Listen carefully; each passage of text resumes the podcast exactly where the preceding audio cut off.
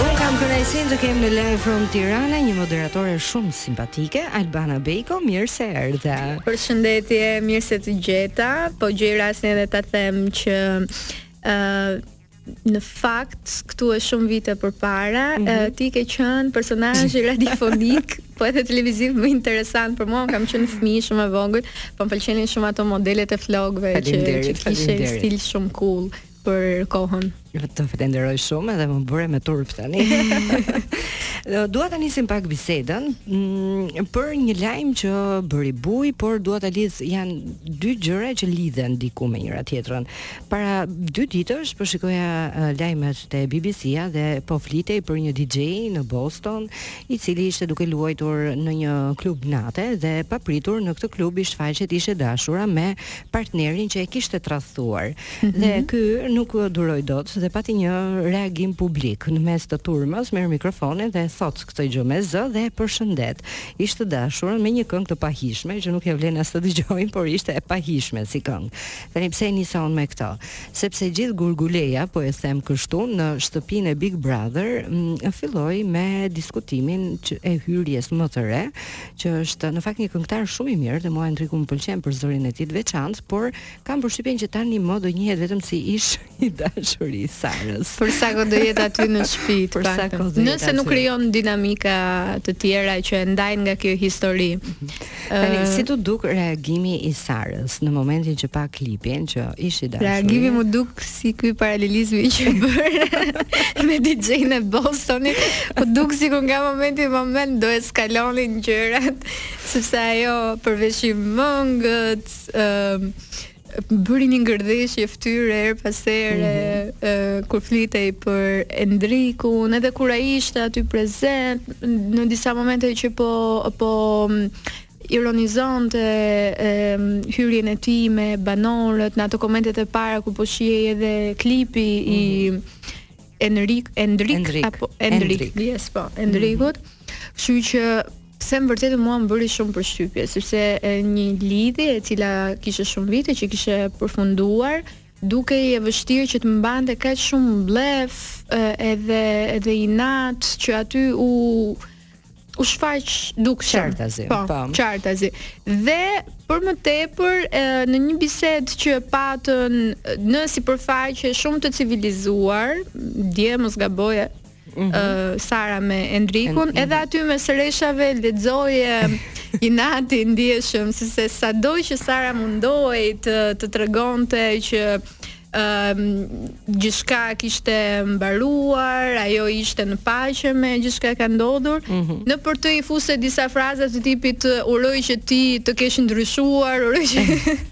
I tërhiqte veshin Te gjuha pasive agresive quhet kjo. Po tani, m'u duk mua, tani mund të jap edhe unë mendimin tim po, si po. publik. M'u duk mua që asaj i shkëlqejnë sytë ende uh, ose të paktën po bëje një dallim, një krahasim midis Bardhit, që është njohja më e re mm -hmm. për të, edhe ishit. Dhe nuk e di pse pata ndjesinë që pati një shkëlqim ndryshe në shikimin e saj, apo është thjesht opinioni im i gabuar. Po, edhe unë e pashë atë, mm -hmm. edhe te ky diskutimi që sapo e përmenda. Nuk e di, është një shikim që vjen si pasojë e një ndjenje që ka ngelur, që është ndjenje dashurie, apo vjen si pasojë e këtij inatit që që ajo mund të ketë.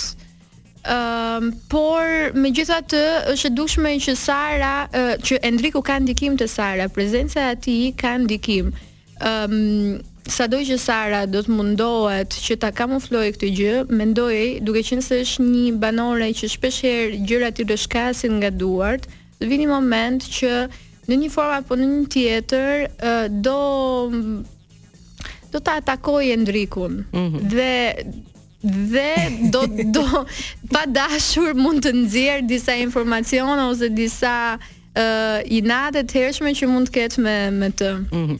Po ne mund ta shohim pak edhe në prizmin personal të jetës. Po. Um, kur ndodh në në këndvështrimin tënd që hasesh në një ambient publik me ishin tënd. Kur ndodh që të kesh këto lloj reagime, kur gjërat nuk janë sqaruar apo kur ka ende se Thuhet, unë nuk e di nëse është dashuria e parë për Sarën, por po e mendoj tani, mbase ka qenë dhe dashuria e parë, që dashuria e parë nuk harrohet aq kollaj. uh, unë e përmenda dhe një diskutim tjetër uh, televiziv këtë gjë se edhe të ftuarit aty ishin pothuajse me këtë idenë që dashuria e parë lë gjithmonë këto lloj shenjash dhe ndoshta disa ndjenja të pazgjidhura. Mendoj që kjo ndodh vetëm kur njeriu nuk është rritur emocionalisht, nuk është maturuar emocionalisht. Ëm um, Sara në këtë rast duket që është në këtë stad të jetës, akoma e pamaturuar dhe edhe në jetën reale, nëse përballesh me me një të dash, ish të dashur që për më tepër kanë kaluar vite dhe sa edhe nëse gjërat nuk janë sqaruar, mm -hmm. uh, Nuk ne mundohemi, ne mundohemi që faljen edhe sqarimet i bëjmë me veten dhe në momentin që ti këtë gjë e ke e ke zbrazur me veten, tjetri nuk mund të ndikojë në në gjendjen tënde emocionale, kështu që është e pamundur. Gjithë kemi histori tona, të gjithë mund të mund të bëjmë një paralele me histori tona dhe të kuptojmë se si ndoshta kemi vepruar në raport me atë çfarë pamë edhe në ekran. Dhe të paktën në bazë të eksperiencave të mia, unë mund të them që nëse ti je një person që ke arritur të zgjidhësh gjërat me veten, edhe nëse nuk e ke pasur këtë bisedën finale për të thënë gjithçka ke dashur të thuash, ë uh, përball eksit tënd, prap uh, në momentin kur ti do ta shohësh, nuk do të të ndikojë emocionalisht. Mm -hmm. Sigurisht që mund të ndodhi kjo në një marrëdhënie që është e freskët, që sapo ka përfunduar, kjo është më se normale. Po. po. Por edhe aty pastaj reagimi, mënyra se si ne reagojmë xhestikulacioni varet shumë nga karakteri ynë. Pra edhe nëse një marrëdhënie është e freskët, por ti ke respekt mbi gjitha për veten tënde, pastaj për djalin të cilin sapo e ke puthur dhe për personin tjetër me cilin ti ke kaluar kohë, dhe nuk besoj që mund të jetë një zgjedhje e jotja absolutisht negative. Mund të ketë mm. pasur probleme, po absolutisht negative nuk mund të jetë sepse po, zgjedhja e jote. Po ti ke qenë, po. edhe unë jam e kësaj që kur po. ti ndan kohën edhe gjërat e tua me dikë, edhe merr fund, nuk ka pse të ketë agresivitet, se ti ke qenë me të, nuk është se të ka detyruar dikush. Pikërisht. Kështu që nëse ti bën Sjellje agresive, duke marrë parasysh gjithë këto komponentë, veten, personin të cilin po njeh që e ke aty dhe sapo ke ndarë një moment që ti mund ta konsiderosh romantik dhe personin tjetër, atëherë kjo flet për karakterin tënd, që ti je ende e pamatur. Dhe në këtë rast Sara këtë tregoi në në lojë. Do ta vazhdoj pak këtë bisedën me këtë trekëndëshin që po krijohet për çështje të kësaj natyre, jo po. se kanë dashuri me me Endrikun në këtë rast. Endrikun, por um, dje ka pasur skena shumë të ngrohta midis Sarës dhe Bardhit. Mhm. Mm ka ndikuar hyrja e ishit në këtë rast apo jo? Ja? Më shumë se sa hyrja e ishit, po, kam përshtypjen po flet për skenat pas dasmës. Pas dasmës, po. po. Më shumë se sa kjo mendoj që ka qenë gjithë dinamika e ngjarjeve në lidhje me dasmën. Mm -hmm. Mendoj që gjithçka që Sara po bën si lojtare, po e bën për të qenë vetë protagoniste dhe çdo gjë do ta përdor për për këtë motiv. Unë mendoj që dhe Bardhin po e përdor për këtë, po edhe diskutimin që bëri me Endrikun e përdori për këtë. Pra unë nuk e pashë si një diskutim që vinte nga nga një nivel shumë i lartë inteligjence emocionale e Sarës që është gati të përballet me Endrikun dhe ta fali dhe ta lërë në paqe sepse aty nuk e kishte falur, mm -hmm. thashë me ato gjëra që thuheshin ë uh, brenda bisedës. Akoma. Po, Por ai ishte një formë shumë e mirë që Sara të merrte një pjesë të prajmit. E pa që prajmi po ikte nga duart prej dasmës, e di që interesi është edhe tek marrëdhënia e saj me Endrikun, kështu që e përdori, mendoj unë. Mm -hmm. Sepse nëse do të ishte ndryshe, do të priste derisa Endriku të vinte ose edhe thjesht nuk do t'i jepte rëndësi kësaj gjëje. Ishte thjesht një skemë e saj si lojtare absolutisht për të marrë minutazhin e saj në Prime, kështu që edhe um, situata post dasmës ku çifti ishte në pishinë, pishin, po. po. Mendoj që është po ashtu një situatë për të shtuar minutazhin tashmë. Edhe qëndrimin ndoshta me. Po, po patjetër se në këtë gjë për kthehet finali e kjo është. Mirë, ne do ta vazhdojmë Albana këtë diskutim, por fillimisht do të presim disa miq. Le t'i presim. si me dashuri. Albana dua të ndalem në këtë moment pak te dasma. Ishte një moment shumë i rëndësishëm, solli shumë dinamika të reja. Mm, çfarë ndodhi në të vërtetë me dasmën sepse fillimisht u duk sikur ndodhi. Do ta rrëmbente çmimin e nuses Sara, po pastaj shkoi te Kilnisa, pati grindje, Sara pastaj shpërtheu edhe kundra Bardhit. Ai shpërthimi m'u duk më shumë Edhe pse në dukje kundra Bardhit, shpërthim ndaj faktit që Sara nuk po bëhej nuse. Pra, mm mendoj që ky ishte eh, problemi i Sarës me me gjithë dasmën. Sara po e kërkonte domosdoshmërisht dasmën për të pasur vëmendjen e saj. gjë që nuk ndodhi, nuk ndodhi edhe për shkak të natyrës naive dhe të sinqertë të Bardhit mhm. dhe aty Sara që më pëlqen shumë në atë formën e tij edhe pse ok, ndoshta nuk mund të jem dakord me disa veprime të të Bardhit, por ka një lloj naiviteti të, të lezetshëm që kur del për pa përball strategjisë së Sarës është një kontrast shumë i lezetshëm mes tyre. Tani unë mendoj që Sara kishte një inat të të jashtëzakonshëm sepse tha me vete bëra gjithë këtë gjë, pra po ndërtoj një marrëdhënie për t'u bërë më e fortë, për të forcuar pozitat e mia në lojë, Dhe ky që kam përkrah, më prish gjithë planin. Ashtu që të but. Po. Kështu që Sara është ajo në këtë edicion është ajo Lady Macbeth që do do që Bardhit t'i fiksojë një ide në kokë edhe të ta çojë drejt asaj ideje, po është e vështirë për karakterin që që Bardhi ka. Tani uh, edhe aq të thjeshtë nuk e kishte Sara, përveç që donte vëmendje dhe donte të ishte ajo me po. veshur me të bardha, por edhe nuk u ftua në dans. po, patjetër, po. Shiko, mua m'u duk shumë i ekzagjeruar reagimi i Sarës me me të qara me dënes për mungesën e ftesës nga ana e Meritonit dhe Ilnisës, sepse mm -hmm. nuk janë miq të saj për të pasur një reagim të kësaj natyre. Pra ne e dimë që sidomos me Ilnisën ka pasur kontradikta. Kështu që nuk mendoj që ajo u prek për uh, mungesën e ftesës nga ana e të dyve. Ajo e gjeti si pretekst atë gjë, thell thell po nxirrte inatin me faktin që nuk ishte ajo uh, personi që do ta rrëmbente skenën po në atë moment. Tani, si të duken lidhjet e tjera? Uh, Ilnisa Meriton. Duke qenë se ishin edhe nusja dhe dhëndri. mm, po. Ilnisa Meriton duket një marrëdhënie që ë uh, është e njëanshme. E njëanshme, nga po. cila anon më shumë. Uh, mendoj që ka një pëlqim nga ana e Ilnisës.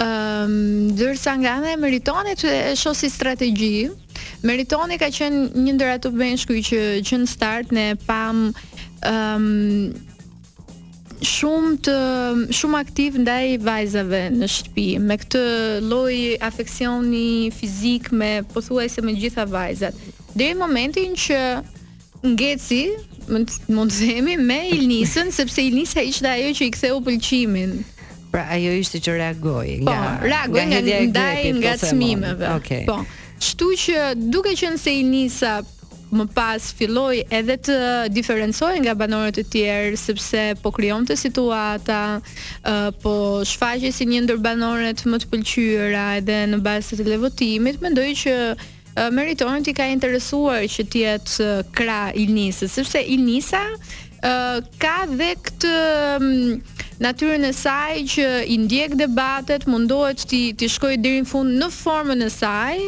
ndoshta mua mos mund të mos më pëlqej shumë, po ajo e bën, mm -hmm. i mhm. shkon deri në fund të paktën në raport me pjesën tjetër të të banorëve dhe Meritoni ka nevojë për një natyrë të tillë përkrah, sepse kemi parë që asnjë nga debatet e tij nuk ë uh, nuk ka qenë qoftë koherent, po nuk ka ditur të vendosë pikat mbi i. Kështu që do t'i lërë gjërat hapur, pa po, pa i lë gjërat hapur në fund.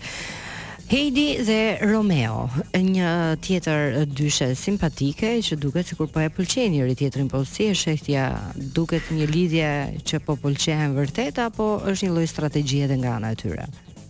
Nuk më jep asnjë ndjesi ky çift, të them të drejtën. Fare.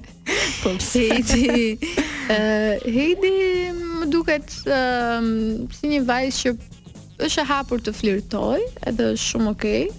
Nuk nuk është se nuk mendoj që ëm um, e ka kaq të rëndësishme që ta ketë pjesë të strategjisë së vet, lidhjen. Duket sikur ka ardhur pa pa shumë edhe presion në shpatulla. Kështu që sido që të shkojë me lidhje, pa lidhje, e kemi vënë re që ndryshon dhe mendje, domethënë një herë i pëlqen Fationi, pastaj i pëlqen Romeo, tregon që uh, nuk është se ka presionin kaq të madh në raport me me atë çfarë duhet të të bëjë në lojë. Kurse Romeo mendoj që ka një lloj presioni. ë uh, që do të thotë, që do të thotë audienca kërkon më shumë uh, kundrejt atij. Ëm um, kërkon më shumë debat, debati nuk ka mundur ta bëjë, nuk ka nuk ka ditur që ta prodhojë ai vetë, thjesht është futur në debate midis dy njerëzve të tjerë, Kështu që ka dashur të bëjë atë rolin e heroit epik që që gjen një kaos edhe domethënë shkrihet për atë kauzën, mm -hmm. ndërkohë që nuk është fare kauza e tij. Dhe uh, ndryshe nga heroi epik që ka edhe shpata dhe nuk e di unë çfarë armësh, atij duhet një armë shumë e rëndësishme që është argumenti dhe po tregon që nuk e ka.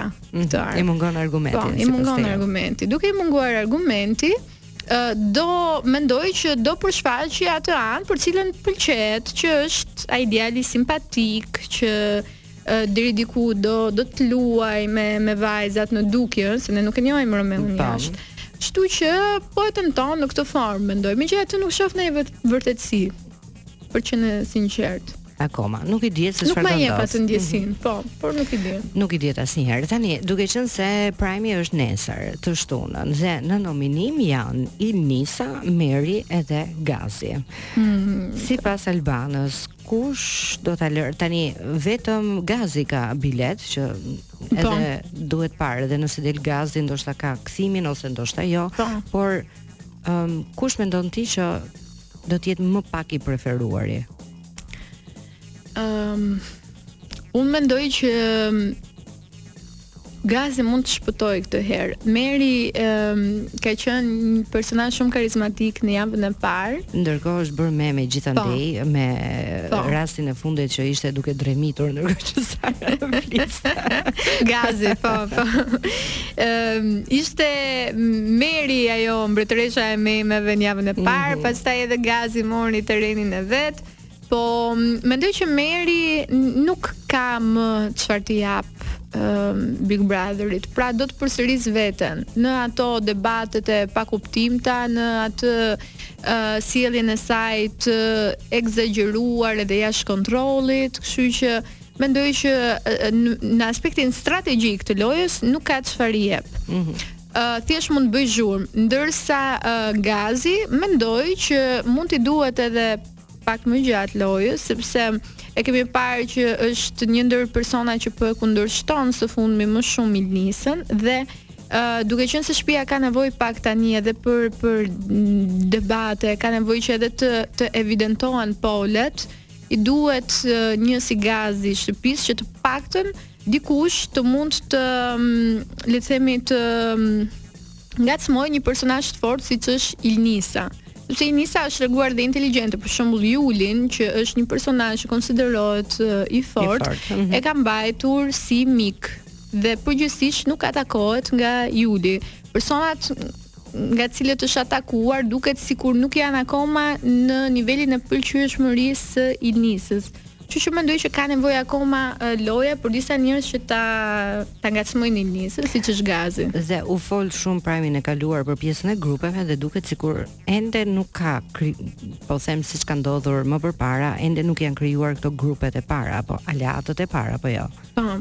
Mendoj që mm, Që të kesh këtë aftësinë e lidershipit që të të ndjekin të tjerët, duhet të kesh edhe një lloj sensi, ë ndoshta jo jo real, po të duket sikur ti ke një sens empatie. Ëh. Mm -hmm. Edhe ke një lloj e bën lojë me një lloj kauze të caktuar që disa prej banorëve, të cilët e kuptojnë shumë mirë që nuk janë mjaftueshëm të aftë që të jenë lidera, të të ndjekin ty. Pra, duhet të krijosh një lloj ndjesie përkatësie që ato të vijnë tek ti. Dhe persona që duan të bëhen lider për momentin, kanë qasje shumë egoiste dhe përjashtuese, kështu mhm. që e, nuk i ftojnë. Po, nuk i ftojnë me me mënyrën se si diskutojnë, si debatojnë. Deri diku e bën uh, Romeo këtë që duket sikur do të bëjë djalin e drejtë, mm -hmm. ndoshta është, po flas në lojë. Ëm, um, por Romeo nuk ka atë që folëm, ndoshta aftësinë e të argumentuarit deri në fund të gjërave, kështu që kjo e bën të shihet më pak si si lider për momentin. Ilnisa që nga ana tjetër është ajo vajza që do ta marrë lidershipin, është alfa, Ëh, është egoiste në lojën e saj, kështu që është e vështirë që ta ndjekin. Po.